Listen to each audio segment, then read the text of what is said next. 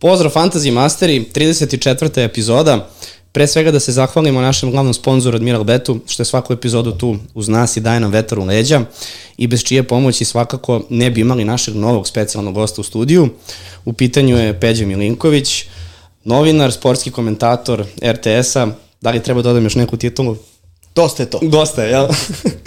ja bi početak, evo, uh, samo spomenuo, to mi je bilo jako interesantno, uh, tvoja situacija u toku prenosa na dnevniku, kad si spomenuo da nisi sav svoj, kad si rekao čoveče šta, šta se dešava. Ovaj, samo me to u startu interesuje, evo te pitam, sjeli smo sada, krenuli epizodu, jel si sav svoj, jel možemo da snimamo?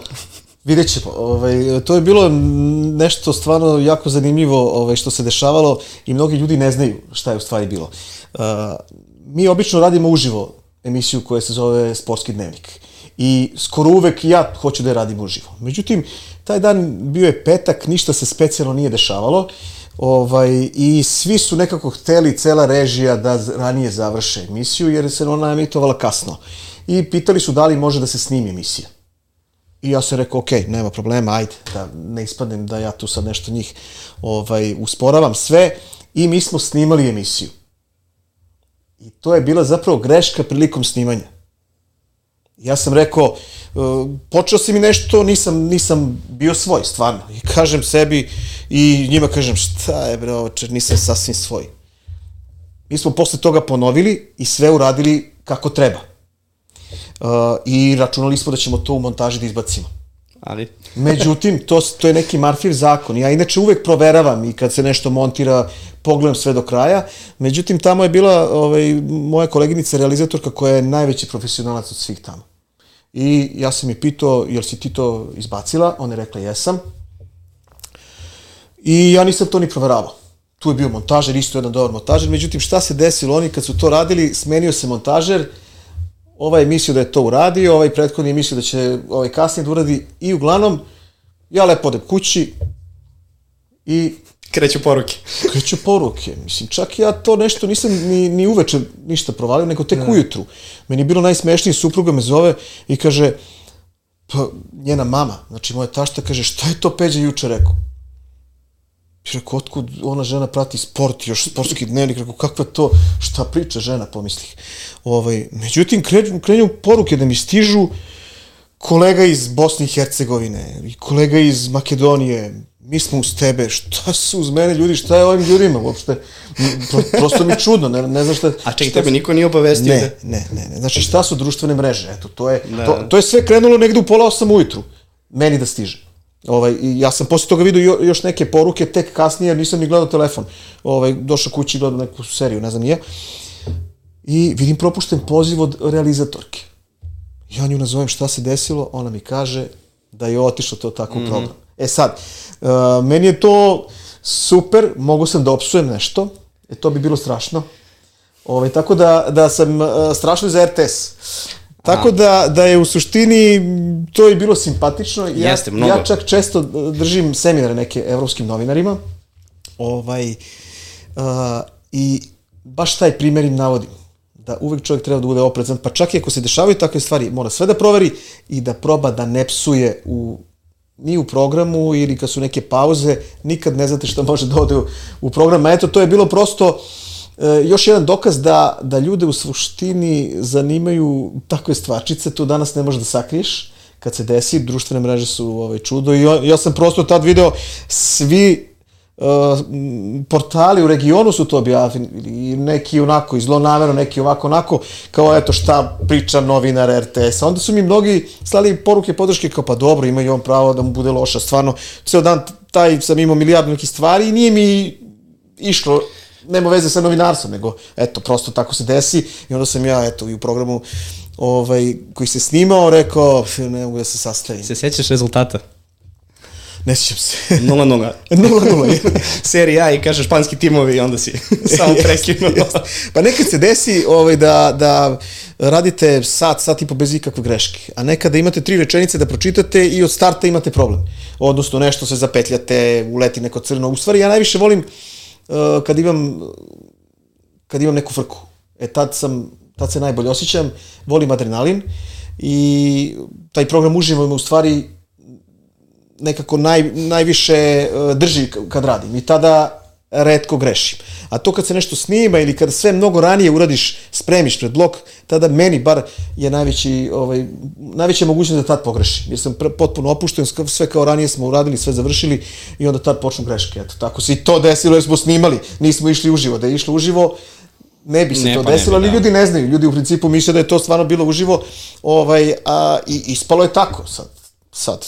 Sutra da sam došao u, u, ovaj, da snimam nešto na Koponiku, I kogod, gde god sam došao, od konobara, pa dobro, nema veze, eto, dešava se i tako. Bilo mi, bilo mi stvari jako zanimljivo sve to. A to, to ti kažem, jako iskreno zvučalo pre svega, a evo, veruješ li mi ja kad sam baš uh, tražio članke i da, da malo uđem u, u celu tematiku, prva, prva stvar koja mi je izašla na internetu je isključivo taj snimak. Što na YouTube-u, što na internetu. Znači, evo, ukucaš ime, prezime, to je to. To, to je to, pa naravno, radite ovaj, 20 godina bez greške i napravi se greška i to je tako prosto. To, televizija je čudo i ovaj, ima jedan primjer, uh, BBC-eva novinarka, koja je jedna od najpoznatijih uh, novinarki tamo u Velikoj Britaniji, vodila je vesti i čitala je neke jako važne vesti koje se tiču kraljice u to doba. Međutim, u tom trenutku je ispala Minđuša. Sutradan su svi portali, svi uh, tabloidi pisali o tome kakva je njena Minđuša, gde je kupila, kako je ispala. Niko nije pričao o tim glavnim temama, tako da prosto televizija je takva. Morate da ovaj, vodite računa ili da se naviknete na tu priču. A reci mi, misliš da je to generalno pojava kod svih, da je to vrlo interesantno u neku ruku probiti tu formalnost uh, davanja intervjua ili, ajde da kažemo, nekog um, obaveštavanja rezultata, situacije, davanja vesti. Ja misliš da to kad probije tu formalnost, to postaje interesantno ili je bilo šta što kaže što se desi, što nije predviđeno u programu, da to samo tako uhvati publiku? Pa mislim da to što nije predviđeno u programu. Ljudi vole da, da vide neki problem kad se desi i ne znam, zanimljivo je to, šta ja znam. Vizualno je jako bitno, ljudi to prvo primete i onda oko toga grade neki priču, pričaju ovaj, o, o raznim stvarima koje se dešavaju, ali mislim da je to prosto, uh, vi isto kada otvorite internet stranu, najbolje ćete videti šta piše u levom uglu uh, ovaj, ekrana pri vrhu.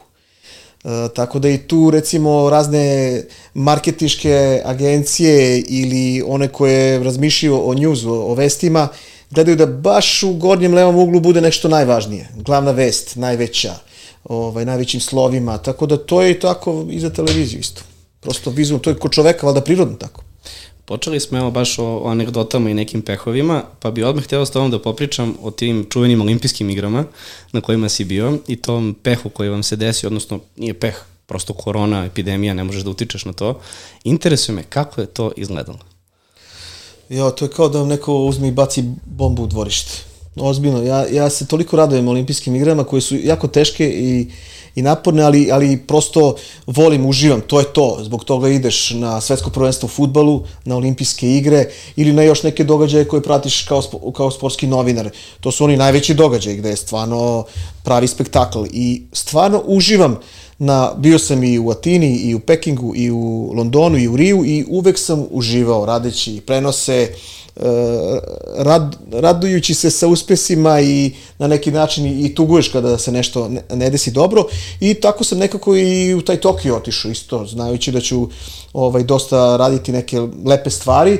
Jedino što je bilo to što sam bio šef pula za RTS-ov tim i mi smo ono došli sve okej, okay, skupila se cela ekipa, počinjemo da radimo, već e, kreću igre prvi dan i nama uveče stižu, stiže mail da naših 14 ljudi mora da ide u karantin, zato što su bili u avionu sa nekim koji je COVID pozitivan. Znači u, istu, u tom trenutku sedam komentatora ide u karantin, plus ostali ljudi, snimatelji, ovaj, uh, montažeri. To, to, to je avion koji je išao za Tokio? Jeste. Aha, okej. Okay. I tu je bilo ako ste u kontaktu u, sa nekim, recimo da sedite u blizini 10 metara oko osobe koja ima ovaj, koronu i vi idete automatski u karantin, bez obzira što ste vi negativni. I sad, pazite, vi napravite neki plan, taj plan se pravi pola godine, godinu dana, ko će šta da radi, kako će, da, i sve to pada u vodu. ko će da komentariše, kako ćemo sutra da snimimo. Imamo Novaka, imamo košarku, imamo taekwondo. Potpuno ludilo. Znači, mi smo, Jo, ja sad kad se setim, evo, ja se najžim, ovaj, koliko je, koliko bi je da bilo strašno. Stvarno je bilo, svaki dan sam ustao ujutru šest, išao da spavam u tri noću. Komentarisao, pravio planove i, i plus smo pravili um, taktiku kako da izvučemo te ljude. Producent Zoran Trifunović i ja smo ovaj, pisali mailove, uh, pisali smo Bahu, pisali smo uh, našem ministarstvu inostranih poslova, obavestili smo naravno i RTS, ambasadu našu u Japanu, znači probali smo sa svih strana ministarstvo zdravstva Japana, na kraju nam je ministarstvo zdravstva Japana izašlo u susret i pustilo je sedam ljudi trećeg dana da idu samo u IBC centar. Ovaj, I sad zamislite ono, vi kažete ovih sedam mogu da izađu iz karantina, ovih sedam ostaju. Onda onih sedam koji su ostali bili su ljuti na mene zašto su oni ostali u karantinu, baš oni da. a ja sam ono morao da gledam i tu sam se konsultovao i sa, sa, sa menadžmentom, pre svega da imam komentatore, da imam snimatelja i još jednog montažera. Jer je to bilo strašno raditi u takvim uslovima. I onda smo ovaj, počeli normalno da radimo eh, i to je bila opet sa tim smanjenim brojem ljudi. To je jako, jako malo ljudi. Recimo, ako vam kažem da jedan eh, NBC dođe sa 2000 ljudi na olimpijske igre. A mi dođemo tu sa 33 četvora, od kojih je 11 novinara. Ostalo su tehničari, jer moraju sve da naprave potpuno studio nov, vi dobijete prostor samo, a sve ostalo donesete i e, povežete. Tako da ima jako puno ljudi iz tehnike. I ovaj i onda smo mi ne znam ni sam kako smo radili. To je bilo pokrivali jedne druge, jedni druge, ljudi iz Beograda su isto uskakali. Bilo je jako stresno i onda smo ponovo pisali ministarstvu da nam pusti i ovih preostalih eh, sedam ljudi. Eh, To je pokušala i naša vlada, isto su i oni slali japanskoj vladi zahtev, međutim njih je vlada Japana odbila i nama petak, posle sedam dana, kažu da je taj zahtev koji je poslala naša vlada odbijen, naše ministarstvo inostranih poslova i mi onako, jo, tužni, šta ćemo, proći će olimpijske igre, šta će ovi ljudi prosto došli su na neki događaj, zdravi su, a ne mogu da rade. Ovaj, I mi onako potpuno razočarani šta da radimo, stiže nam mail od Ministarstva zdravlja, gdje smo mi paralelno i mi slali neki svoj zahtev i oni nam oslobodi tih prostorih sedam ljudi da mogu da dolaze u IBC centar. Tako da smo pff, posle osam dana imali kompletnu ekipu. na noge, da. Stali na noge, ali to je bilo strašno stresno. Ozbiljno, majke mi, to je... Uf, A niste slali ljude iz Beograda dodatne? Ne može, ne može, zato što je procedura za dobijanje u to vreme japanske vize nenormalno bila zbog baš tih eh, covid ovaj, eh, vremena i pravila, tako da je to bilo nemoguće. Drugo, vi nemate dovoljno ni, ni ljudi kako da ih pošaljete, prosto ima mnogo televizije, ali nema dovoljno pravi komentatora i onda je jedino da pozajmite sa neke druge televizije, ali opet problem je bila ta viza. To je, to je ne, nenormalna procedura. Međutim, sve to prošlo, bilo je dosta medalja, bilo je dosta gledanih događaja i rekorde smo neke sve potukli što se toga tiče. Na kraju sam bio ponosan kad se sve to završilo i cela ekipa koja je tamo radila, ja sam im neizmeno zahvalan i, i na kraju krajeva svi su radili veliki posao i bili pravi, bili veliki profesionalci, tako da mi recimo na, na olimpijskim igrama uvek gledamo da ostanemo 2-3 dana duže, jer za vreme igara vi ne možete ništa da vidite, stalno radite, od ujutru do uveče radite više sportova. I onda kad dođe uh, kraj tih olimpijskih igara, mi odemo taj jedan, dva dana da obiđemo grad, da vidimo gde smo bili. Ljudi kažu blago vama, međutim, vi ne vidite ništa. I onda smo mi tako otišli u taj ponedeljak, malo da obilazimo Tokio, ja sam toliko bio iscrpljen da nemam pojma ni gde sam išao, ni šta sam gledao, ni ma idi show, samo da se, da je prošlo to. I da ostavimo sad te olimpijske igre sa strane, s obzirom da si bio na više olimpijskih igara. Kako izgleda jedan dan novinara, odnosno kako provodiš vreme u sportskom selu, kontakt sa, sa sportistima, kakav je raspored, kako to izgleda, dočaraj nam. To je nešto što svi želimo da vidimo i iskusimo jednom. Pa izuzetna energija, stvarno. Prvo od tih sportista, svi su zajedno. Um, ono što, što ja volim, trudim se uvijek da nešto pokažem i sa strane, ne samo što se tiče takmičenja. Volim da, da povežem taj sport sa istorijom, sa kulturom, sa hranom čak i mislim da je to i dobro za gledalce. Što se tiče sportista, oni su svi ono dosta fokusirani, međutim i uvek raspoloženi za razgovor, naročito to kad vam dođe bilo koji novinar iz vaše zemlje. Tako da ono, prosto fantastično je. Drugo i, i, i ja kao novinar imam priliku da upoznam mnoge uh, svetske zvezde i da se uverim koliko su u stvari te najveće zvezde i najnormalniji ljudi. Normalci potpuno. Ove, ovaj, tako da nekad uh, više, na, više me pogodi kad vidim naše ovaj, neke zvezde ovde koji se ponašaju kao baš primadone, a zapravo nisu. U inostranstvu su mnogo bolji. Dobro, olimpijske igre, ipak ne radi se o njima, radi se o celokupnom događaju. To Mislim je... da je, da je Rio bio naj, najbolji. Dobra da? atmosfera, da? Brazilci, oni, oni vole sport, oni uživaju, oni ne znam šta da kažem. Mislim, odete na onu Copacabana pa kad vidite da svi devojke, muškarci igraju futbal, to je, to je nestvarno. Imao sam sreću da budem i na toj Marakani i, i u dvorani pored gde je bila odbojka Marakana Zinjo. Ne znam, Brazil je čudesan. To, to je baš telo, moje naredno pitanje da bude koja ti je omiljena olimpijska, ovaj, olimpijski grad, ali ili imaš neku omiljenu utakmicu, meč, moment sa olimpijade prethodnih godina, ti je ostalo urezano? Ne moraš da, pre, nije, nije bilo potrebe prenosiš, samo prosto da se sećaš momenta ili ako si prenosio. Ma sećaš se svih događaja, prosto pratiš sve naše recimo, ideš na utakmice, gledao sam ovaj, košarkaše Srbije koji su igrali uh, finale sa Amerikancima, to je baš bilo u Riju i onako, što je dobra stvar, dosta toga sam i radio, ovaj, velikih tih medalja i onda ti sve to nekako ostane, uh, ima, imaš novinare, jednom kolegi su novinari iz Danske rekli, jo, blago vama iz Srbije, vi toliko imate tih sportista i stalno imate nešto se dešava kod nas to ovde u, u Danskoj samo dođu petak, subota ljudi odu da se, da se napiju kaže i, i ne, nema, nema toliko dobri smo u tenisu, u vaterpolu, odbojci, futbolu, košarci pojedinačni sportovi Ivana Vuleta, mislim tako da stvarno svaki taj tren je čudesan lepo mi je bilo na atletici recimo te trke Jusena Bolta gledati šta radi, da ne, mislim, o našim sportistima i da ne pričam, to je uvek lepo, vaterpolo, košarka, futbal, odbojka. Nismo toliko mi bili u futbolu nešto na tim olimpijskim igrama nikad uspešni, zato što nikad nije otišla dobra ekipa, iako je bolja se kvalifikovala nego što je otišla. Ovaj, ali opet gledati te futbalske utakmice je bilo, bilo fantastično. I na kraju, pored svih sportova, ti si se odlučio za pretežnu odbojku i taj čuveni Dakar Rally. To je možda prva asocijacija. Kada kažemo Dakar Rally, to je Peđa na RTS-u, ti izveštaj, odakle to, odakle ta ljubav, kako je to krenulo uopšte? Ma ja u suštini volim ceo sport, ozbiljno. I te auto trke sam nekako uvek pratio i Formulu 1 i, i Dakar Rally, ovaj, i jedan naš takmičar je išao na Dakar Rally, tako sam ja krenuo sa njim, ovaj, tako da sam 11 puta bio u Južnoj Americi, gde je ne, neverovatna energija. I uopšte tu takve ljude upoznate da prosto vam nije jasno kako je moguće da su toliko ljudi jaki. A taj svaki dan na Dakar Rally je zapravo da ti dođeš do cilja.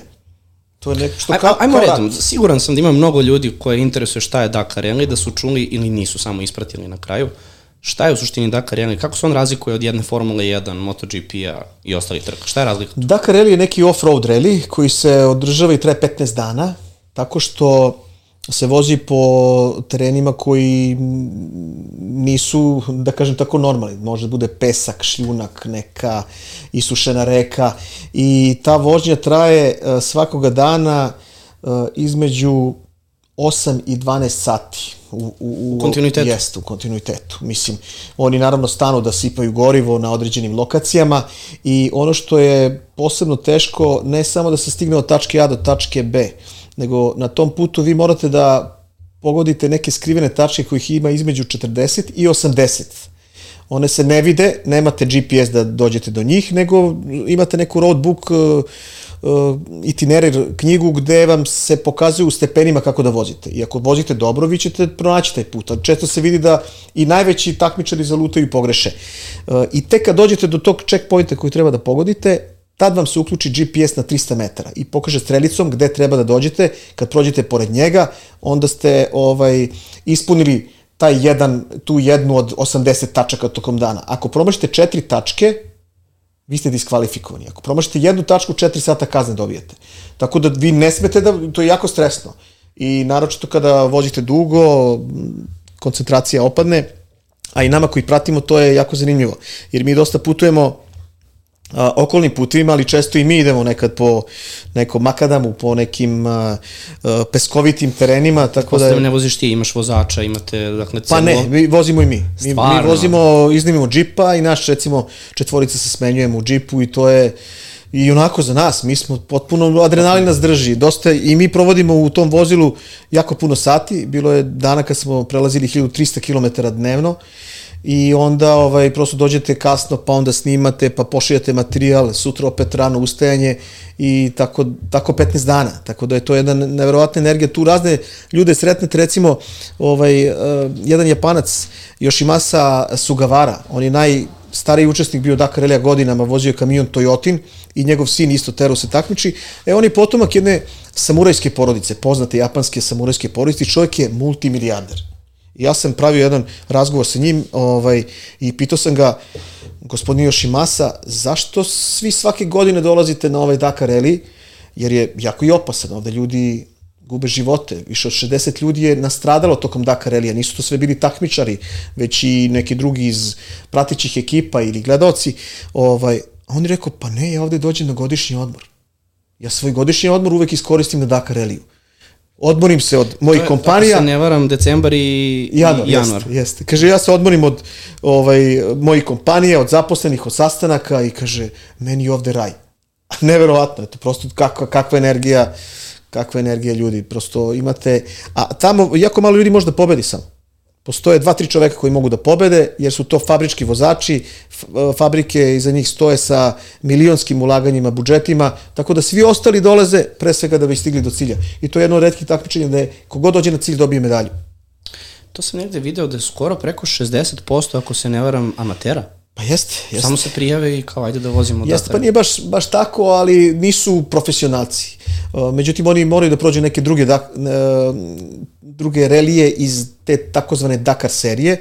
Aha. Zove se Dakar Rally, iako se vozi uh, pored afričkih zemalja ranije se vozio, pa se potom prebacio u Južnu Ameriku kada su ovaj, u jednoj afričkoj državi im pretili teroristi i 11 godina je bio, ili 12 godina u Južnoj Americi i sad je posljednjih četiri sezone u Saudijskoj Arabiji i bit će još i naredne godine, tako da... Ovaj, Kako čudno. Da, Saudici su ono debelo platili da samo da dođu kod njih.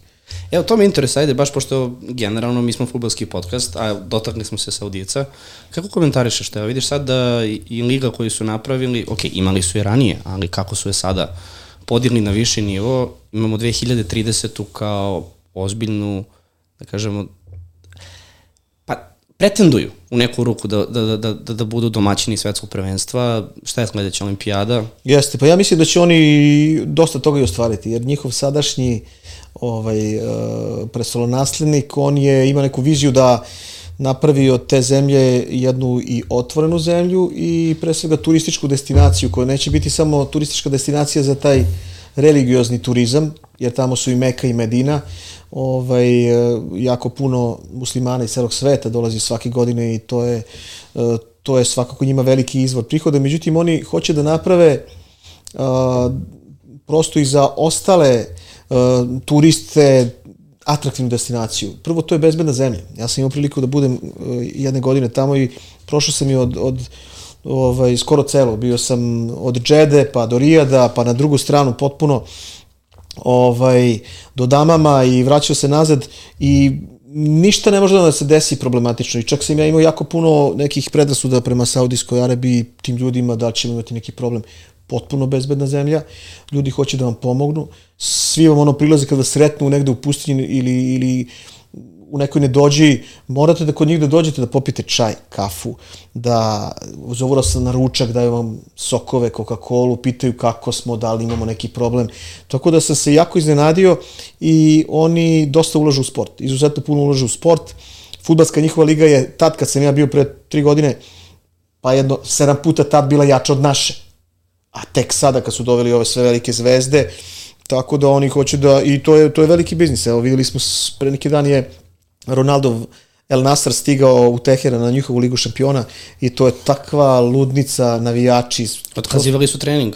To, bezbednostnih razloga. Da, da, da, ne mogu, neverovatno. Tamo se stvarno sport izuzetno voli, poštuje i, i rekao sam već taj njihov presolonaslik, on čak gradi neke nove gradove gde će biti, mm -hmm. bit, bit će potpuno otvoreni za turiste, da će moći normalno da se ovaj ponašaju, imaju dosta ostrva, a more im je prelepo. Ozbiljno, to je preko puta Šamel Šejka, ja sam bio na tom severu gde se taj neon gradi i praktično to će biti eto, za 4 sata avionom vi možete da stignete na, na nevjerojatne destinacije koje će biti potpuno open za za strance i, i što se tiče alkohola i što se tiče normalnog ovaj, eh, ponašanja i provoda. A, eh, reci mi, evo sad spomenuo si gradove i, i, i tu ligu, je to tebi okej? Okay? Ima dosta ljudi kojima to nije okej okay što oni rade i što dovode takve zvezde odjednom i što na neki veštački način pumpaju tu ligu i novac. Je to iz tvog ugla okej? Je to samo sna, idemo prema jačem? Jel opravdano nije? Kako pa ja, ja, ja moram da priznam da sam i ja u toj grupi koja ne voli. Prosto ja ne volim, evo, Premier Liga, naj, najbolja na svetu liga, najgledanija na svetu liga i sad već počeli su da odlaze mnogi futbaleri jer im ovi nude nerealne novce. I meni je žao da prosto lige evropske i neki klubovi koje smo navikli da gledamo ovaj ovde da nemaju više takve zvezde, odnosno da se ljudi sele u Saudijsku Arabiju ili u neku drugu, međutim prosto takav je novac, to je tržište, nema, nema obzir, ne znam nije. Ja lično bih više volao da ostanu velike zvezde ovde kod nas, jer tamo je lepo, ok, imaju oni sve jaču ligu, ali e, znate i sami, vi možete da skupite najbolje futbalere sveta u jedan tim, pa da taj tim ne uradi ništa. Koliko imao problema Paris Saint-Germain, pa u jednom periodu Real Madrid isto dugo.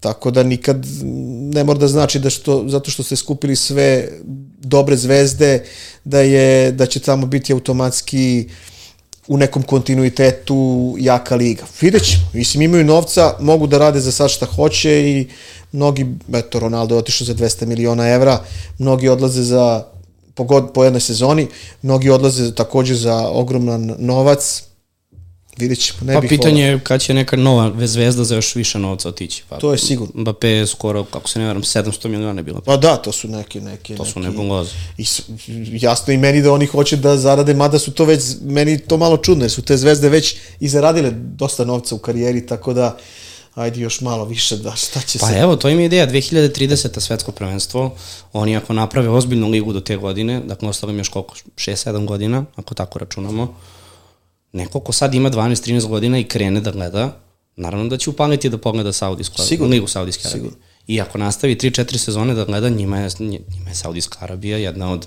glavnih liga, najbitnijih zemalja u futbolskom svetu u tom trenutku. Samo vreme prolazi i igra bi svoje. To je tačno, to je to tačno. Je... Prosto je, jer ja znam da oni imaju lepe stadione, imaju publiku koja dolazi ovaj, i prati sve to. Baš sam tada obišao uh, Milojević, nekadašnji trener Crvene zvezde, koji uh -huh. bio, bio u jednom dosta popularnom klubu ovaj, u Džedi.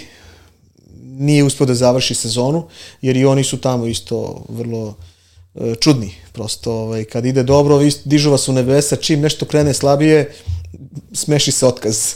I mnogo prate društvene mreže. I to šta da? im pišu na društvenim mrežama, to vas, tu vas sne, smene i postave. Zbog toga? Tako je. Boga mi, da, do, nekim situacijama liči na, na, na našu libu, ako je tako. pa jeste, ali jer ja se sećam tamo je u baš u tom klubu da je bio Milović, bio i Fejsa i bio još nekoliko naših futbalera i mnogi su mislili da će tu da dođe ok, da malo zarade novac i da se malo prošvrcuju. Međutim, bila je jako zeznuta liga i mnogi nisu čak mogli da uđu u startnih 11, e, tako da je on rekao da je stvarno dobar se futbal igra i da nije očekivao da je, da je takav da je takav kvalitet. Da li bi voleo da vidiš saudijske, odnosno timove Saudijske Arabije ligi šampiona? Tačnije, samim tim i na RTS-u. Pa, u, ne, ne bih. Ja bih mogao zamisliti šta je prenos Real Madrid Al Nasr. Stvarno nevjerojatno, da. Može, možda se i to desi jednog dana. Pa vidimo, pa vidimo da španski kup i igra se u, u, ovaj, u tom delu sveta, tako da oni plate im da se završnica tako odigra kod njih. I u Americi isto igraju, nije, ovaj, nije to ništa novo, ali evo, na primer, ako se ne varam, izraelski klubovi igraju kvalifikacije za Evropu. Tako što, što Arapi ne bi mogli da traže sa jednim Neymarom, Mitrovićem, Ronaldom, da mogu makar da idu u kvalifikacije. Može i to da se desi. Pa znam da i čak i u odbojci je dva evropska prvenstva su održana ranijih godina, učestvovali su Egipat i Tunis. Znači, evropska prvenstva u odbojci. Tako da može i, može i to da se desi. Mislim, ja bih više volao da neko klubsko prvenstvo sveta se organizuje po nekom drugom sistemu u odnosu na ovaj, pa da to bude malo zanimljivije. To menjaju, to menjaju od narednog e, turnira, biće više ekipa.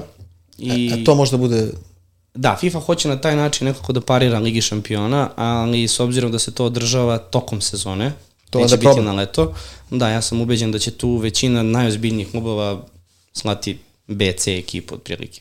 Ne verujem da će prva postava ići u sred sezone da igra neki turnir upravo tako u nekom Kataru, Saudijskoj Arabiji, a za dve nedelje imaju utakmicu Lige šampiona ili što se kaže six pointer u da, Premier da, da, Ligi, primjera da, radi. Da. Jedno pitanje, evo, sad baš sam se setio. Um, zašto nema Lige šampiona utrkom na RTS-u? ja sve to da pitam. Možeš to da ne. Ovaj, problem je u tome što uh, UEFA ta prava gleda da proda za veliki novac i da zaradi što više. I onda uh, nije to samo u Srbiji, nego i u mnogim drugim zemljama uh, nekom kablovskom operateru prodaju jedan dan, a recimo nacionalnoj televiziji drugi dan, utorak ili sredu i zavisi koji dan ovaj, ko kupi. Tako je to i kod nas isto. E, izuzetno je skupo, nije to problem. Vi hoćete da kupite i jedno i drugo. Međutim, oni, njima se više isplati tako. UEFA gleda samo jednu dobit i izuzetnu zaradu i to je to je čista istina. Pretpostavljam da je finansijski, ali gledam zato što na areni trenutno imamo situaciju i utorkom i sredom, ali evo, kako sam ja bio mali, ja sam znao sredom je ne, se gleda na RTS-u i to ima macu informaciju koji će to da prenosi, e, utorkom se snađi. Tako je. I onda uspeš ako, evo sad, kao što igraju United i Bayern, ti ćeš odgledati na RTS-u jednu utakmicu, ali onu drugu koja je utorak, šta ćeš onda? Eto, onda arena, šta da kažem. ovaj, mislim, kablovski operateri imaju više kanala i onda ovaj, kod njih je to malo drugačije, kupljeno je na nivou regiona, onda i njima se to više isplati, tako da pokriju recimo ceo prostor e, bivše Jugoslavije i zato to tako ide. Onda oni mnogo više i novca ponude nego što može i RTS da ponudi. Evo još jedno pitanje, naravno ako smijem, s obzirom da to bilo na našem e, Instagramu, pošto smo najavili tvoje gostovanje, bilo je pitanje da li je u planu na RTS-u da bude više sportskih događaja, pretežno pretpostavljam da mislim na futbal, nekih dodatnih liga, da li je to u nekom optica, jel se razmišlja ili... Pa ja se nadam da će ovaj, biti malo više toga. Meni je iskreno žao što nema i naše lige na, ovaj, na RTS-u. Samim tim, da. Ali kažem, prosto tržište je takvo, dosta televizije ima i oni nude neke, neke, neki bolji novac eh, organizatorima takmičenja, tako da je sve u suštini u novcu. Nije samo ovaj problem problemska šema i nadam se da će uh, Nekada smo imali i italijansku i englesku ligu, ali tada smo bili praktično mi solo i neke male televizije oko nas, umeđu vremenu su ne, uh, se pojavili drugi TV emiteri koji rade dobro, imaju interes, imaju inostrana sredstva koja im omogućavaju da ulože više novca i to je to, ja pozdravljam, to je tako prosto. Ne, ne, naravno, ali pitam prosto da, da znam da li da, da čekamo ovaj, konačno neku, neku, neki prenos, neke top 5 lige možda na RTS-u imali nekih naznaka. Za sada teško. Teško, dobro. Evo, koliko, da se... koliko premijer liga vredi, znači... Ajde što vredi, nego što, što se na kraju i ta cijena isplati. što pa, je nevrovatno. To je naj, najgledanija liga na svetu, nema šta. Ubedljivo. Ali apsolutno ubedljivo. Čak je gledanija uh, od Lige šampiona. Jeste. Što je u neku ruku, ako gledaš malo nelogično, ali znam da sam gledao neke podatke da su utakmice, primjera radi Aston Villa i Brightona, pričamo za Evropu, ne za Srbiju, da su određene utakmice čak gledanije nego određene utakmice u Ligi šampiona.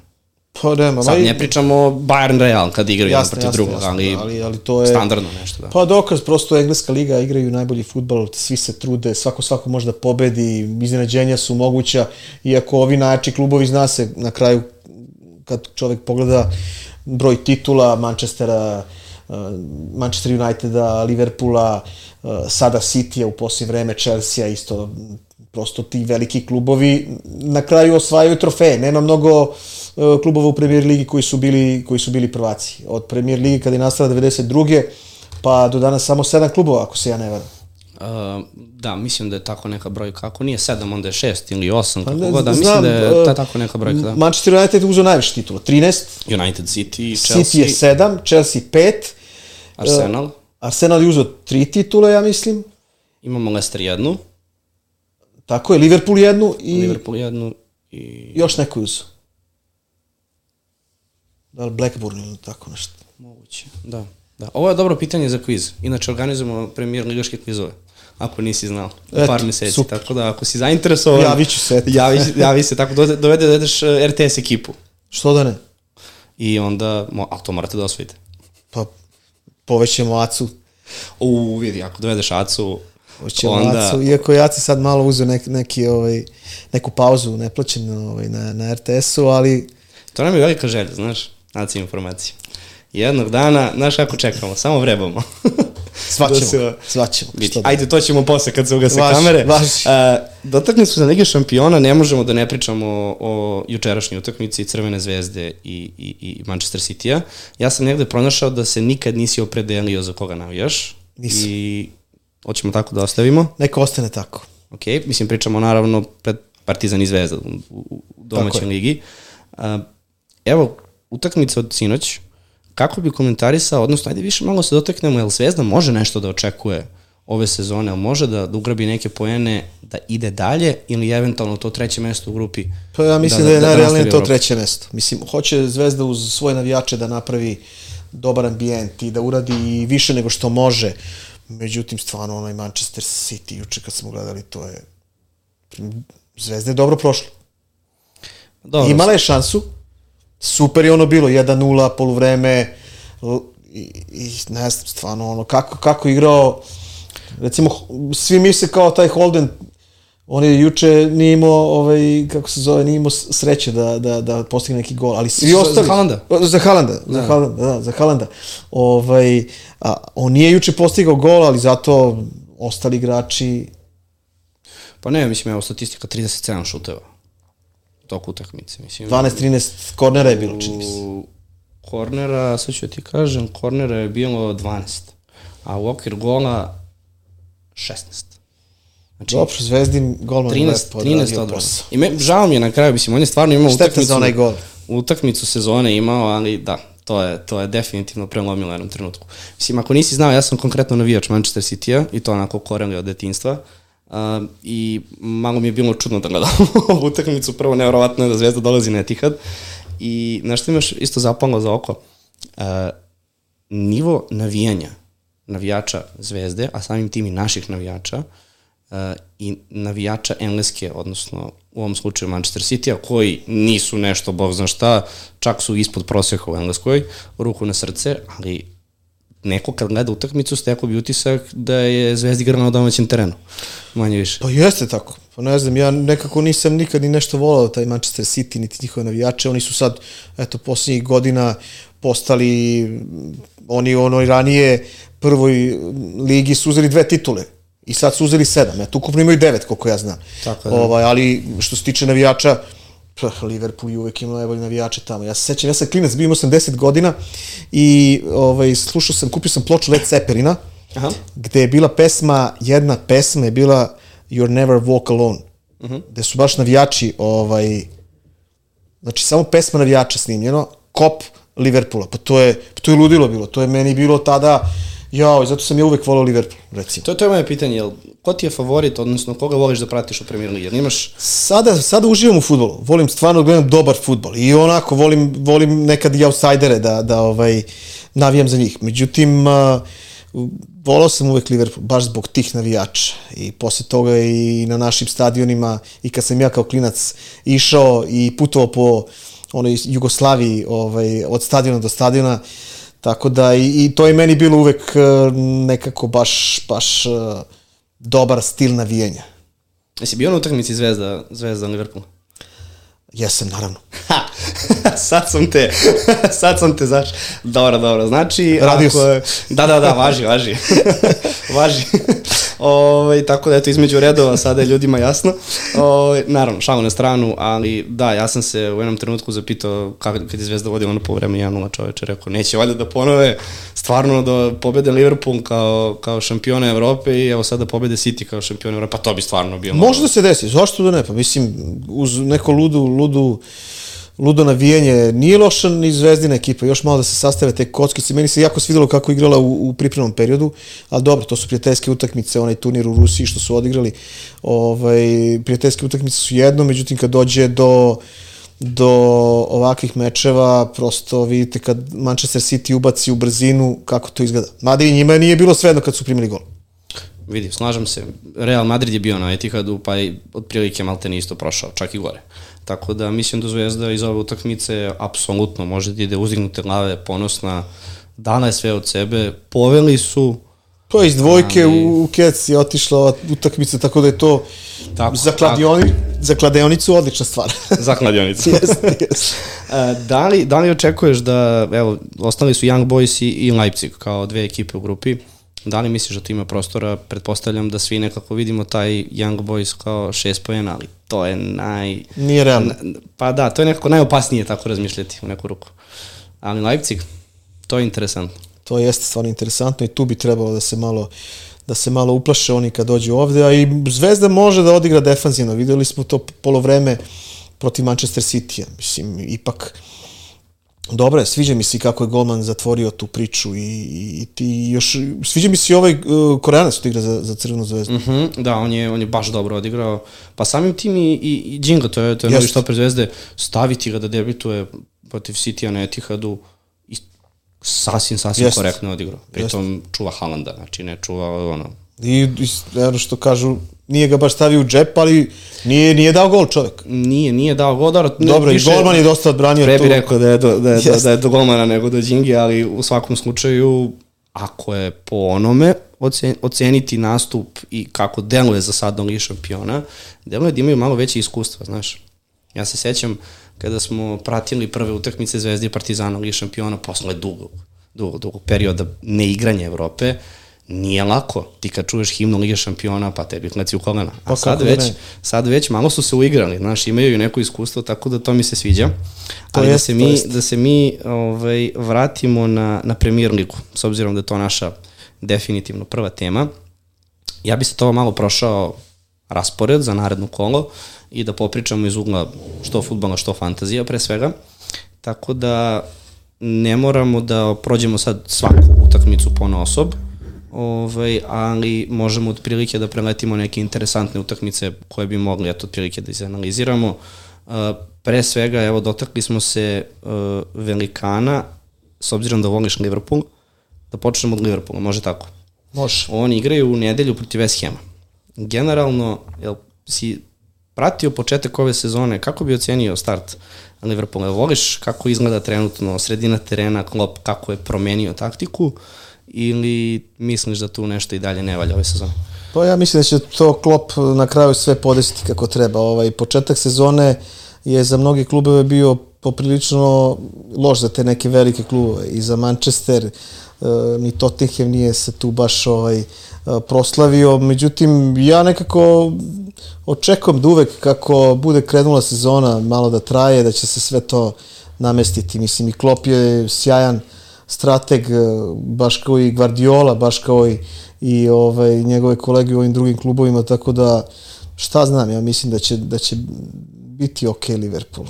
Generalno ove sezone. Ali ova utakmica protiv West Hama je vrlo interesantna zato što ako bi u poslednje možda 3 ili 4 sezone birali moment najbolje forme West Hama, iako su izgubili od City-a u, u, u prošloj utakmici, West Ham je ozbiljan, ozbiljan igrač ove sezone.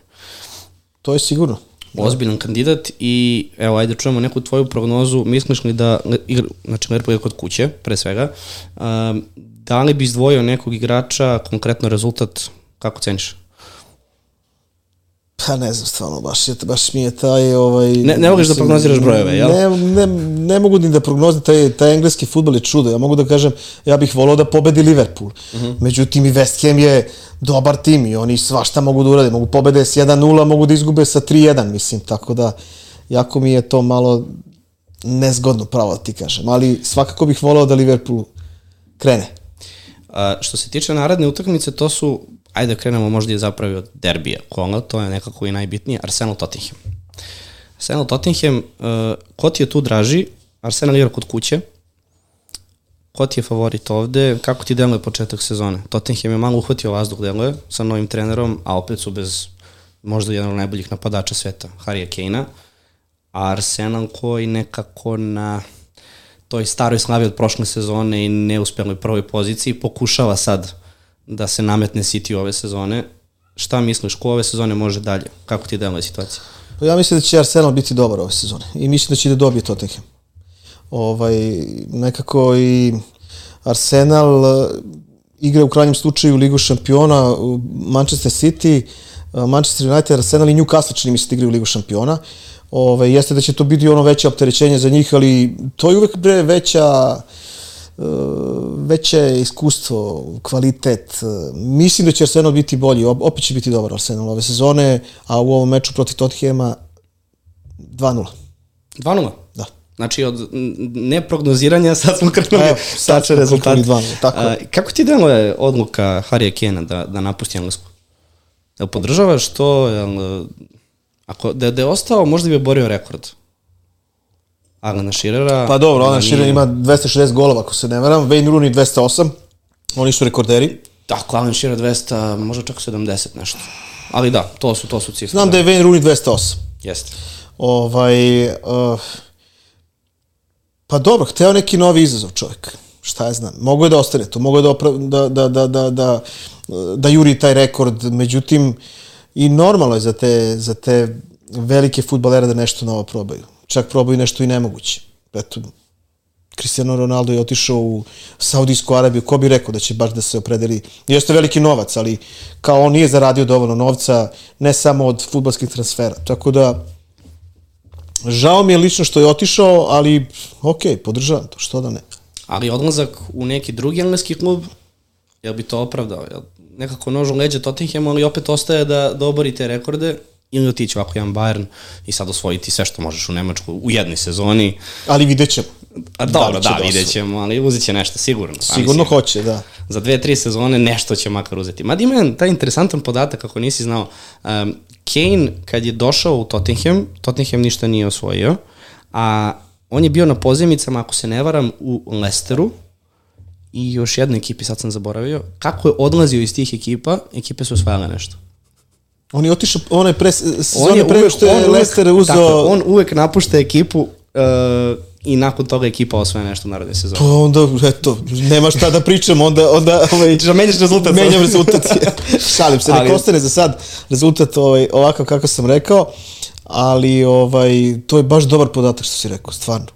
Nisam naći ću, naći ću baš negde ovaj, tačno koje su ekipe u pitanju. Ja sad iz, ovako iz glave znam da je bio Lesteru na pozemici, ali evo sad da, da, da me ubiješ ovde ne mogu se setim koja je bila druga ekipa. Nema šanse.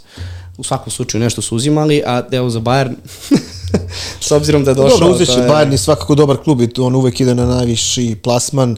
Njega su doveli verovatno zbog Lige šampiona, pre svega.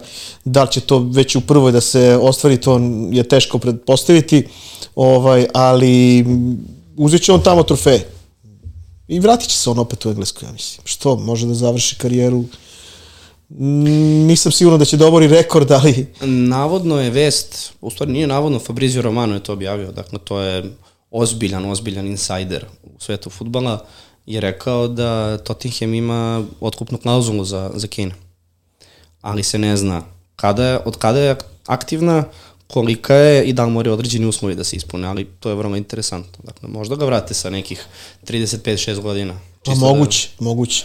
da pa dobro, dobro, to je ozbiljan klub ovako iza koga stoji ovaj jak lobi jevrejski. Sigurno su znali da naprave da naprave ugovor kakav bi njima Kakav odgovarao. odgovara. Jeste. Uh, reci mi, utakmica uh, Brighton-Bournemouth. Izdvajam ti Brighton zato što od ove sezone, pa i prethodne, oni su možda jedan od najvećih iznenađenja po stilu igre kako igraju. I generalno za fantasy priču mi tu imamo pretežno tri igrača koja se, oko koga se sve vrti, to su Mitoma, March i onda sad evo Ferguson je postao kao jedna interesantna opcija, da ti ne nabrajam naravno celu postavu, Uh, da li misliš da Brighton ove sezone može da uradi nešto više, da se probije, pa da kažemo top 4? Pazi, od, otišli su, otišli su da igraju protiv Uniteda i razbili su. Jeste, jeste, stvarno. To je tačno, igraju dobro. Vidjet ćemo koliko će da traje ta. Ja, ja u suštini volim, volim ovaj, te underdog ekipe, mada oni nisu underdog ekipa, ovaj, baš u tom potpunom smislu. Više imaju logičan stvarno, tim. stvarno nisu više Imaju, underdog. dobro igraju, ovaj, ali baš da li će tom kontinuitetu, to je mnogo, mnogo baš teško reći. Na zašto te pitam? Zato što kroz neku priču pokušavam otprilike da, da sastavim neku temu kako ćemo napraviti izmene za našu ekipu. Dobro. Ove, I generalno mi to imamo u našoj ekipi je Stupinjana. I nekako nam je plan da odradimo neku izmenu u ekipi. Za Dobro. sada je Bernardo povređen Ok. uh, i to nam je veliki, veliki problem. Možemo da dovodimo još igrača iz Brightona, to nije problem, pošto imamo samo jednog za sada. Uh -huh. I to su upravo te opcije koje sam ti naveo. Mi, pretežno Mitoma i, i, i, i Soli Marč. Uh -huh. kao, dve, kao dve opcije. Tako da e, Mitoma definitivno kao neko ko ajde da kažemo da su možda minuti najviše zagarantovani, može biti interesantna opcija, ali Brighton nema toliko dobar raspored na papiru, mada da, ako imaju... dođu igraju protiv Uniteda i onako odigraju protiv njih, njima onda nije ni problem da igraju ni protiv... Sa kim će igrati u kontinuitetu neki jače rivali? Tako je, tako je, da. Tako da imamo mi tomu kao jednu opciju sa strane, definitivno koju treba da razmišljamo. I zato sam ti pitao konkretno za Brighton, da li da ga izdvajamo kao potencijalno, kao potencijalno dovođenje ili ne. Definitivno moramo nekoga na sredini. To nam je ovaj, veliki problem, tako da moramo da se skoncentrišemo ili na Mitomu, nekog drugog iz Brightona, ili kao treća opcija iz neke druge ekipe. Zato na taj način pokušavam sad ovaj, da, da donesem neku odluku sa tobom. Imamo taj Brighton koji igra protiv Bormuta, naveo sam ti igrače. Sa suprotne strane imamo još jednog igrača koji je popularan, u pitanju je Eze. Ebe reči uh -huh. Eze iz Crystal da. Palasa, koji igra uh, na domaćem terenu protiv Fulama. I sad, Eze po statistici, kada ga uporediš sa ostalim igračima, je pa možemo i reći maltene i superioran, samo što fale i dalje golovi asistencije koje on imao prošle sezone. Uh, da li misliš da uopšte treba da razmatramo Ezea, s obzirom da on, ako se ne varam, čak jeftiniji od Mitome, ili bi išao na opciju sa, sa, sa, sa dva igrača iz Brightona. Šta misliš, na duže staze? Mogu ti pročitam i raspored ako ti je tako lakše. Znam kad dođe gost pa krenemo ovako s brda da, da, da, da, da. nemaju, nemaju ispred sebe statistiku. Ali ti pročitam raspored. Može. Naredna, čet, naredna četiri kola. Uh, Brighton ti igra protiv Bormuta, Aston Villa, Liverpoola i Citya. Uh Mhm. -huh. Dok Crystal Palace, uh, uh, uh, uh, samo sekund, Crystal Palace igra protiv Fulama, pa Manchester United, pa Nottingham Forest, pa Newcastle.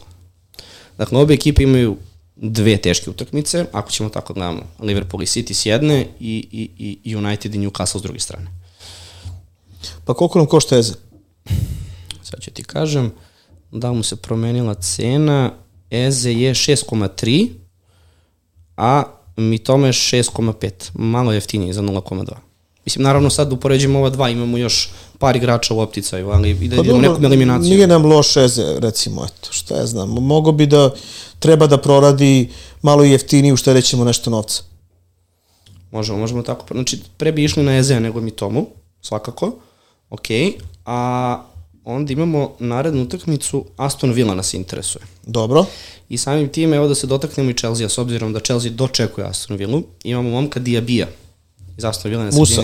Musa Diaby, on je igrao do skoro u Bayern U Leverkusenu. Leverkusenu, jest. Leverkusenu, pre toga bio u akademiji Paris Saint-Germaina, ali nije dobio minute, sad tako da je prodato Leverkusen, pa sad u Aston Villa. Arsenal je hteo da ga dovede On je dobar, momentu. on je dobar. On je, on je baš dobar i pokazalo se da je baš dobra opcija i za, i za Aston Villa i da je spreman za Premier Ligu. Definitivno se pokazalo, donosi bodove. Uh, Aston Villa igra protiv Chelsea u gostima. I sad imamo Chelsea i Aston Villa koja igra dobro, ali Chelsea koji deluje da ove sezone i dalje nije uhvatio ritam i da to opet nije to ove sezone, iako ima Pochettino na, na klupi. Kako gledaš na ovaj odnos Chelsea za sezonu i evo Diabija konkretno kao opciju iz Aston Villa? Pa, Diaby je dobra, dobra opcija. Ovaj, uh, Chelsea već dugo se muči.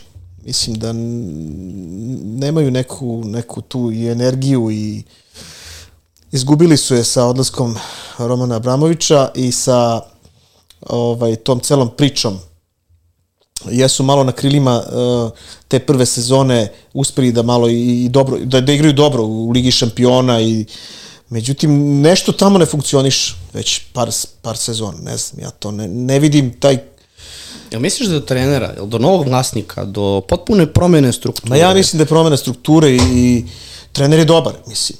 Ali menjali su i trenere često tamo. Pa mislim, vidi, generalno oni su ekipa, odnosno tim koji je ja mislim i najviše trenera promenio Jest. i za vreme Romana. I za vreme Romana i posle. A kako su krenuli, tako je sada s ovim trenerima, definitivno, da. Jer meni nije normalno, pogotovo u toj u premier ligi, bre, da, da, da, tako često menjaju trener. Ne ide, dobro i ajde promenimo trenera. To mi, to mi liči za, na našu ligu. Pa da, evo vidi, konkretno kamerman, odnosno osoba iza kamere, navijač Chelsea. Imamo još par ljudi uh, u ekipi koji su navijači Chelsea, oni i dalje ne mogu da prežale dan kada je Roman Abramović otišao, to je prvi dan, a drugi dan, evo, kako se dere u pozadini, a drugi dan, drugi dan koji ne mogu da prebole odlazak Tomasa Tuhela. To je, to, pa, to su dva velika pitanja, ok, za Romana, politika, novac, ne, neke stvari koje ne mogu da, da se... Meni je žao, Tuhel nigde nije dobio baš dovoljno prostora da, da nigde nisu imali strpljenja za njega. Ja ga isto volim, stvarno. Mislim da je dobar trener i dobra ličnost, harizmatičan i nekako, baš ovaj, ne znam da li će i na ovom radnom mestu da, da se zadrži dugo. Boga mi, kako su krenule neke vesti, ne deluje mi. e pa to, to baš pričam, ovaj, potrebno je da ima, da ima ovaj, trener strpljenje i to je mislim da je to falilo Chelsea, jer novi trener uvek dođe sa nekom novom filozofijom, ima neki poslednji uh, igrački kadar, onda nešto on menja, neko ode, nezadovoljan je, tako da tu atmosfera nešto neštima. Mislim, Manchester United, ni on ne može da se baš sastavi.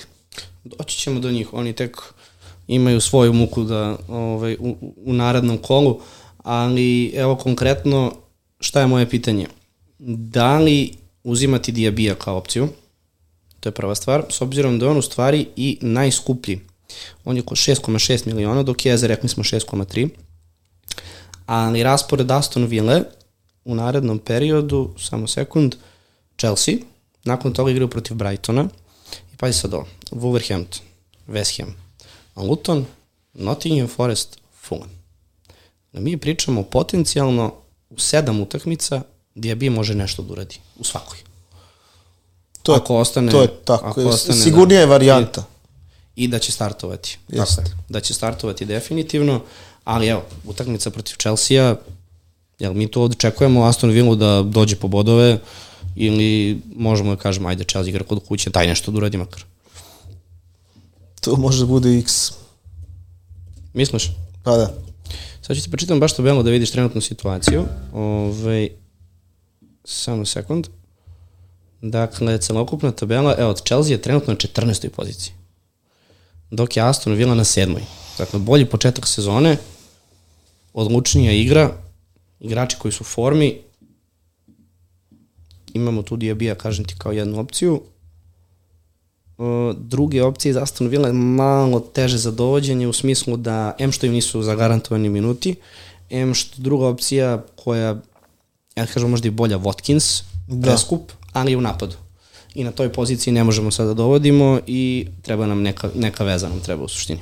Diabiju možemo da dovedemo, to bi bila najbolja varijanta, a što se tiče onoj moje rečenice, reči, odnosno predviđene da će biti X, boga mi, Aston Villa ima tri pobede, dva poraza, dakle nisu išli baš ka nerešenim ovaj. E, da, a Chelsea gledaš, ima da. 1-2-2. Da. Tako da, da. Pa vidi... Uh, Iako mo... je Chelsea domaći. Znaš kako, javit ćemo se Admiralu, ne, dobrim kvote onda praviš, znaš, dobro si krenuo, baš to ne treba. Ove, ovaj, ali, ajde da se evo vratimo na, spomenuo si United. Spomenuo si United, United igra gostovanje Barnley. Uh -huh. Uh, da li misliš da je ovo konačno neka utakmica da United Pa mora da pobedi. Da izađe na teren i da kaže, e, ozbiljni smo ove sezone. Ajde da, da krenemo da da napravimo presek i prošlo je bilo isto ovako. Jer Barnley igrao u ponedjak? Barney igra u ponedljak, tako je. Igro je, Šta su radili? Oni su igrali protiv Nottingham Foresta, igrali 1-1. 1-1, znači uzeli su prvi bod. Uzeli su bodove, s tim što tu je bilo sad nekih poništenih golova, u svakom slučaju završilo se 1-1, mogli su da izgube vrlo lako, ali na kraju su uzeli taj jedan krucijalan bod za njih. Pa mora već jednom i da Manchester se malo podigne, mislim. E, pretpostavljam ti je malo teško da ovaj, možda kao neko ko voli Liverpool sad da gleda iz ugla United. Pa jeste. Jel to znači da ih samim tim i ne voliš ili samo si eto kao pristalica Liverpoola? Više sam pristalica Liverpoola, ali nešto Manchester United nisam nikad preterano, ovaj, klubove iz Manchestera nisam volao. Ni za vreme Fergijeve jer... Poštovao sam ih stvarno, ali uvek je bio Liverpool. You're never walk alone. Ovo je prvi put da imamo situaciju sa gostom da onako dođe i kaže da, navijam, on, volim taj taj klub. Uvijek su nekako politički odgovori, znaš, diplomatski. Pa, voleo sam ove, voleo sam one. Ne komentarišem ovaj, e, baš futbal i premier ligu, tako da mogu da uživam u tome. Ne znam, uvijek sam voleo kao, kao klinac taj Liverpool i to mi je bilo ćao zdravo, svi ostali klubovi mogu da imaju novac i Chelsea ono kad je bio mnogi su tad počeli da naviju za Chelsea kad je postao i ovaj šampion Evrope i sećamo se onog ludog, ludog finala i penala i svašta. A kako ti delo, evo sad celokupna situacija, imaš uh, dakle United koji se da kažemo, ozbiljno muči od početka ove sezone. Koga bi tu izdvojio ko mora da preuzme odgovornost i da povuče ekipu? Jel ti generalno to dovođenje Hojlunda u, u špicu uopšte razumno ili je tu trebalo United da dovede neko zvučno, ozbiljno ime? Kako bi rekao Viško, ne možeš ti da, da imaš ekipu United da nemaš jednog ozbiljnog... Moraš da imaš veliku zvezdu neku. Eto, to je... Realno im je to slabija tačka. U napadu? Da. Jel nekako misliš da bi uh, Rashford ove sezone ostao na nekom kažemo, nižem nivou ili može da se vrati na, u formu koju ima prošle sezone. On je u jednom trenutku imao, ako se ne vera, mesec i nešto dana svaku utakmicu imao. Jeste, mislim da će se... Goj, pa, asistenciju i ove sezone... Jeste, da. A mi biće, biće sigurno, mora da se podigne. Pa ne može, svi oni moraju da... Rashford je dobar igrač, nema, nema tu... Lično mislim da hoće, a drugo, i svi oni razmišljaju ne samo za taj klub, jer evo, pričali smo o toj Saudijskoj Arabiji, svi bi hteli da se prodaju za veliki novac negde u krajnjem slučaju. Ako ne mogu tu da i treba im golovi, nema tu priče. To su, to su pobednici, to su, su šampioni, pre, on uvek, on, on, samo mora čovjek da bude strpljiv, jer proradit će. Ko ti je, ko ti je tu bitnija karika Unitedu, Rashford ili Bruno? Po tebi? Pa ne znam, ja volim, volim Rashforda. Dobro, on je dete Uniteda u neku ruku iz akademije. Ajde za kraj da, da spomenemo da spomenemo City sa Nottingham Forestom i mislim da smo na taj način maltene ekipe kažemo ove velike šestorke prešli. Uh, City igra protiv Nottingham Foresta kod kuće. Uh, nekako ne bi se ja zadržao toliko na, na rezultatu ove utakmice, nego da te pitam i malo da se vratimo na Ligu šampiona. Da li misliš da City može da ponovi prošlu sezonu? I ako ne, ko je taj pretendent za, za, za titul u Evropi? Po tebi. Pa ono, stvarno je sad još malo mnogo, mnogo je teško reći, ovaj, nekada smo imali te favorite koji će kao da osvoje, bolji su, jači su, veći budžet, pa ne urade to. Nikad, stvarno se nikad ne zna. Uh, svi znamo da ponoviti uspeh i odbraniti Ligu šampiona je Pa to može samo realno. tako je, ono, skoro nemoguća misija za većinu klubova. Manchester ima stvarno dobar, dobar tim na, na svim nivoima. Sviđaju mi se neverovatno kako, kako igraju i ovi mlađi igrači, imali smo prilike juče da vidimo i ovog Boba, malo je ušao. Mm -hmm. Norvežan, ovaj, opasan, opasan. Jeste, ovaj, e, ne znam, ja baš imaju dobar tim. Stvarno mogu, mnogo da, mogu, mogu da odbrane titulu. Ozbiljno. Ja nisam njihov ljubitelj, ali ovako sad kako sam juče vidio... Za Ligu šampiona ili? Za Ligu šampiona. Uh -huh a bit će svakako i kandidati veliki za premier ligu, mada mislim da ipak tu, tu ima dosta ovaj kandidata, ipak. Ko, ko misliš da može da tu pomrsi najviše račune? Pa mislim da će Arsenal da pravi... Najviše, jel? Jeste. A od ostalih ekipa, ako imamo tu City Arsenal, ako pričamo o tom top 4, odnosno četiri ekipe koje su u narednoj sezoni Lige šampiona, mada taj format će se menjati, izgledat će malo drugačije, ali i dalje volimo da govorimo top 4 u neku ruku, jer će sada od sledeće sezone biti više ekipa u, iz jedne, Iz jedne zemlje. iz jedne zemlje Lige šampiona, da. Uh, koga bi još tu stavio u, sa, sa Cityjem Arsenalom? Pa verujem da će se United podići gore. Voleo bih Liverpoola. Evo, zanimljivo, kad je počela sezona, trojica nas je bilo u studiju i svi smo rekli City, Arsenal i onda smo tu sad zavrteli. Neko je rekao United treći i Liverpool četvrti, a neko je vrteo Liverpool na, stavio na treće mesto, United na četvrto, ali to su da, te četiri ekipe o kojima pričamo. Misliš da Newcastle može ove sezone da im malo pomrsi? Da, da mogu da ponove, to je, to, to je suština. Pa to je Ili suština, malo, teško je, teško će ponoviti. Ne verujem, ne verujem da će da ponove. A bi voleo, s obzirom da evo, iza njih stoji upravo zemlja o kojoj smo pričali. Pa dobro, to jeste. Tu je, um, ja volim da se promešaju karte, da se još neko tu pojavi. Vole bi. Chelsea da se vrati, ali nisam siguran. Baš. teško, teško. Kako Ne krenemo- verujem, ne verujem. Teško, ali evo, pa upravo su, pa sigurno Brighton i Aston Villa dve ekipe da mogu nešto Aston da urade Villa, ako, da. ako, ako, bi ih, ako bi ih dodavali na listu. Um, dobro. Uh, nisi mi samo rekao za Ligu šampiona koga, koga pored City-a misliš da, da, da, da, da, da, da može da osvoji ove sezone? Pazi, Bayern, PSG, Real Barca, standardno Da. lista.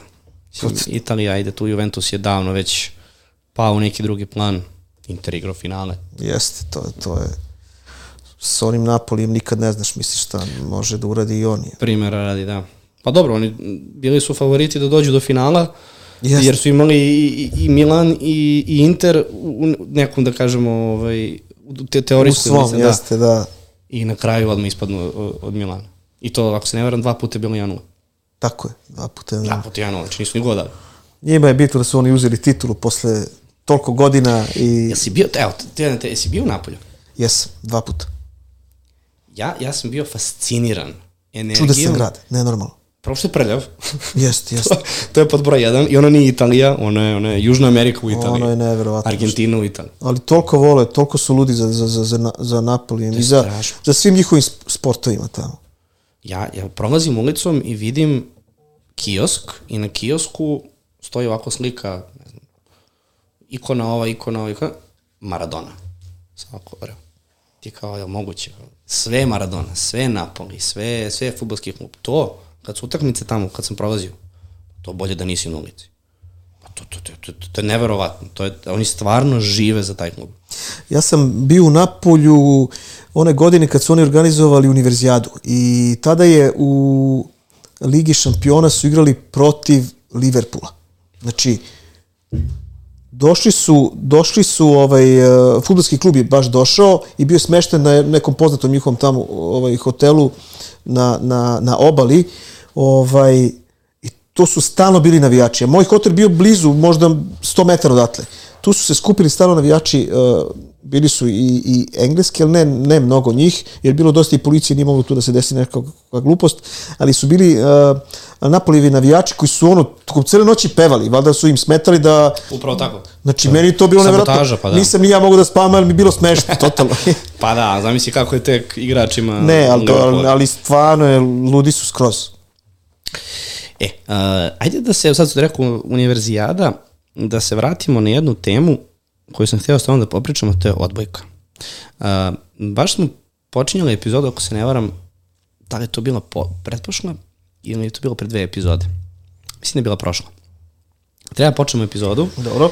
i ok, ajde, standardno najava sad, sedimo ja i Marko, ovaj, on sed, ovde ja sedim u sredini ili tu gde sada ti sediš i ja sad kažem, čekaj, daj da nabrojim šta su sve naši sportisti uradili prethodne nedelje, jer ne možeš da kreneš epizodu o futbolu, a da prećutiš uspeh košarkaša, odbojkašica, Novak što je uradio. I našao sam se u trenutku da ja sad krećem da nabrajam i stavljam na papir šta je sve osvojeno.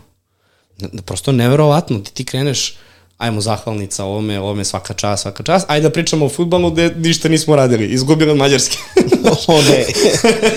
I ti sad kao šta, ka, ka, kako da kreneš tu epizodu. I onda, kada, kada smo se, ovaj, kada smo spomenuli odbojkašice, evo upravo teme. Čovjek koji najviše prenosi odbojku, što mušku, što žensku. Odakle je odbojka, što odbojka, jel si trenirao odbojku? Nisam trenirao sam boks i atletiku kao klinac. Ovaj, a mislim, ja sam bio na dva svetska prvenstva u futbolu. I nudili su mi da budem komentator za futbal, međutim nisam na kraju to pristao jer sam pratio odbojku već godinama i sa odbojkom sam doživao neke najlepše trenutke u svojoj karijeri. Toliko medalja sam prenosio, po minimum 25 medalja. Imam kolege koji prate neki sport i nisu ni jednu medalju prenosili. Ja sam 25, blagosloven. Tako da, prosto zbog odbojkašica, nikada nisam ovaj, i odbojkaša hteo da pređem, jer kad bi počeo da skroz pratim futbal, onda je nemoguće da pratim i odbojku, zato što su utakmice isto vikendom i čovek treba to vrlo, vrlo ovaj, pouzdano da radi i da bude ozbiljan i profesionalan, tako da je to jedini bio razlog. Ali sam bio na dva svetska prvenstva i bio sam i sad za Katar šef pula ovde u Beogradu, ovaj, tako da ono, pratim futbol, futbol je stvarno čudesan i u, u Južnoj Africi recimo kad smo bili, ta atmosfera tamo, Pa to je nešto neverovatno bilo. Isto i u Nemačkoj. Uh, izađete, bio sam na utakmici, noć pred utakmicu sa Argentinom, uh, kad igrala Srbija Jugoslavije, odnosno to je bila Srbija i Crna Gora. U toj utakmici inače Messi debitovao uh, na svetskom prvenstvu i postoje najmlađi argentinski futbaler 2006. godine koji ikada debitovao na svetskom prvenstvu i postigao nam je gol. 6-0 je bilo, on je ušao negde u drugom polovremenu, sredinom drugog polovremena i postigao je gol, klinac Messi, a, svi znamo šta je umeđu vremenu sve da. postigao, uradio. Ovaj, I mi smo noć pred tu utakmicu bili u jednom restoranu gde, gde je bio pun restoran argentinskih navijača. To je tako dobra atmosfera. Niko neće nešto da vam prebacuje zato što ste vi u, sa šalom ovaj, naše zemlje, zato što navijate za drugu. Prosto, futbol je čudo. Da, su bili, da si bio u ovom dresu? E, bio sam, to bi možda bio problem, to, ali to bi ozbiljno bio problem. U tom dresu sam bio ovaj, uh, iste te godine na utakmici Hrvatska-Brazil. Aha. Igrala se utakmica u, u, u Berlinu. I mi smo završili svoj posao u Bilerbeku, tog dana smo pratili naš, naš nacionalni tim. Kad smo završili posao, seli smo u, u rentakar, vozili se 600 km u Berlin da gledamo utakmicu i vratili se tu noć. Stigli ujutru rano, odnosno tokom noći i sutradan normalno ustali, radili, pratili našu reprezentaciju. Ali to je, to je futbol, to je neviđena, adrenalin te ovaj, baš drži. Kako ne? I što je naj, najsmešnije, mi kad smo došli na, na stadion ovaj, uh, gde je trebalo da igraju, igraju Hrvati i Brazilci i ne puste nas sa akreditacijama da uđemo jer su nešto zatvorili neki prolaz. I mogli smo da prođem kroz hrvatske navijače gde su svi bili ja u, u, u tom dresu Brazila da me neko nešto pita na portugalskom nemam pojma, sem bon dia, da kažem dobar dan, i onda bi ako bi provali da sam Srbin... Kreneš da nabrajaš brazilski igrača. Jeste, ako bi provali da sam Srbin u brazilskom dresu, ne bi, mislim, dobro prošao. Međutim, kažem, prosto je bila dobra atmosfera na tom šampionatu, niko te ne dira, onako malo te gledaju, nešto dopacuju, ne kapiraju da ja njih razumem šta mi pričaju, ovaj, ali Brazili pobedi 2-0 to meču. Pa deluješ kao, kao Brazilac, realno. Vidi se taj ten na suncu. Šalim se naravno, ali... U, recimo u Južnoj Africi kad smo bili, sreli smo uh, Vermezović, Vladimir Vermezović. Aha. I, ovaj, I on je nam bio čak i stručni konsultant za neke utakmice i odluči da nas, on pozove nas nekoliko da odemo na uh, večeru, ali da probamo njihove specialitete tamo. Dakle, ne ono klasično nešto, nego da probamo, ne znam, nilskog konja, krokodila, uh, springboka, ovaj, žirafu. To je tamo legalno, jel? Jeste, normalno, sve to. Žirafu, recimo, ja nisam mogu da, žirafu nisam mogu. Volim žirafe, da, ako vidim i onda reko neću to. Može, krokodil, nilski konj, sve to okej. Okay. Ovaj, I kad smo došli u restoran, kad su oni videli Vermezovića, svi su se skupili, od kuvara, konobara, da se fotografišu s njim. On je bio, on je bio trener njihovog najpo, najpoznatijeg tamo kluba, uh, Orlando Pirates se zovu, i on je ovaj, to, totalno, nisu hteli da nam naplate račun, ma ne, neverovatno je bilo, stvarno, Juri, toliko su se trudili oko nas, ovaj, tako da eto, na tim velikim takmičenjima stvarno ovaj, uh, mnogo dobre stvari. Recimo, u, u Rio na olimpijskim igrama, Rambo Petković, on je tamo, zovu ga Peći, on je tamo kralj. Ne postoji neko da ga ne poznaje. Bog koji hoda zemljom. Otprilike. Baš tako. Baš te žao mi što Rambo Petković nikad nije dobio šansu u našoj reprezentaciji pravo da igra, jer mislim da je to velika šteta. To su neke druge teme. Tako je. neke druge teme za neke druge podcaste koji se bave našom ligom možda. Tako je, ovaj fantazije svaka čast. Pa, znaš kako, postoje popularan, meni je neku ruku žao što ga nema uh, za našu ligu, jer imam utisak da bi na taj način se dosta naša liga promovisala, uh, to je 100%. Da, i, ali ne bi se promovisala među populacijom 40-50 godina, nego upravo tako. Ljudi koji će krenuti sad da prate i pratit će narednih 30-40 godina jer vole futbol. To su deca od 12, 15 godina, 16, 20. Njih treba privući. I ne postoji bolji način putem fantazija koje Znaš, terate da pratiš iz utakmice u utakmicu, znaš neku statistiku i neke podatke koje generalno slušaš na televiziji, ali to je to, kod kuće sediš, pišeš, računaš, malo te igrica. A da jest, ništa jest. ne škodi, ništa te ne košta. Tako da, e, da ti se zahvalim što si došao ovaj, u podcast emisiju i zbog toga imam jedan poklon za tebe. U pitanju je još jedan naš sponsor, Tapni kartica, ne znam da li si čuo za njih. Ovaj, vidim da jesi. Um, oni su za tebe uradili posebnu uh, personalizovanu karticu, iš ovde RTS i s jedne i s druge strane. Ove, ovaj, I evo ti um, papirić ovaj njihov. Dakle, Hvala sa, puno. Sa, sa suprotne strane možeš da vidiš uputstvo kako da instaliraš karticu. Dakle, ceo koncept je zamišljen tako da, evo ja i ti kao što smo se sada uh, videli prvi put, uh, ako bi razmenili neke dodatne uh, informacije, mail adresa ili link Instagram profila, LinkedIna ili bilo koje druge platforme, dovoljno je samo tu karticu da, da mi prisloniš na telefon i to je to. Ne moraš da mi kucaš bilo šta, da mi daješ papiriće, druge kartice, da ti štampaš i, i, i da plaćaš sve na jednom mestu, sve podesiš sam na svom telefonu u roku od dva minuta, držiš to u novčaniku i kad treba samo prineseš i to je to. Hej, man, stvarno je strava je. Hvala Tako da, po- eto. Bilo Hvala. mi je super, uživo sam. Ovaj, nadam se da ja vama nisam bio dosadan, ali Pa bože, kako je, kako je to konstatacija? Naravno da nama je privilegija da dovodimo e, ljude koji iz sveta futbala, iz sveta sporta, a posebno neke tako poznate ličnosti, nama pre svega znamenite ličnosti koje znamo i od malih nogu detinstva, to su imena koja su obeležila naše detinstvo, svakako. Tako da eto, hvala što si bio i to bi bilo to, manje više ima Marka pored sebe koji otprilike nekad odjavljuje epizodu, ali pošto Marko nije tu, ja onda uvek taj deo preskučim jer to ostavljam njemu. Um, pre svega, društvo, to bi bilo to za ovu epizodu, detaljnu analizu i statistiku za naredno kolo ćemo odraditi na našem Instagram profilu, specijalan gost, specijalna emisija, znate proceduru kako funkcioniše.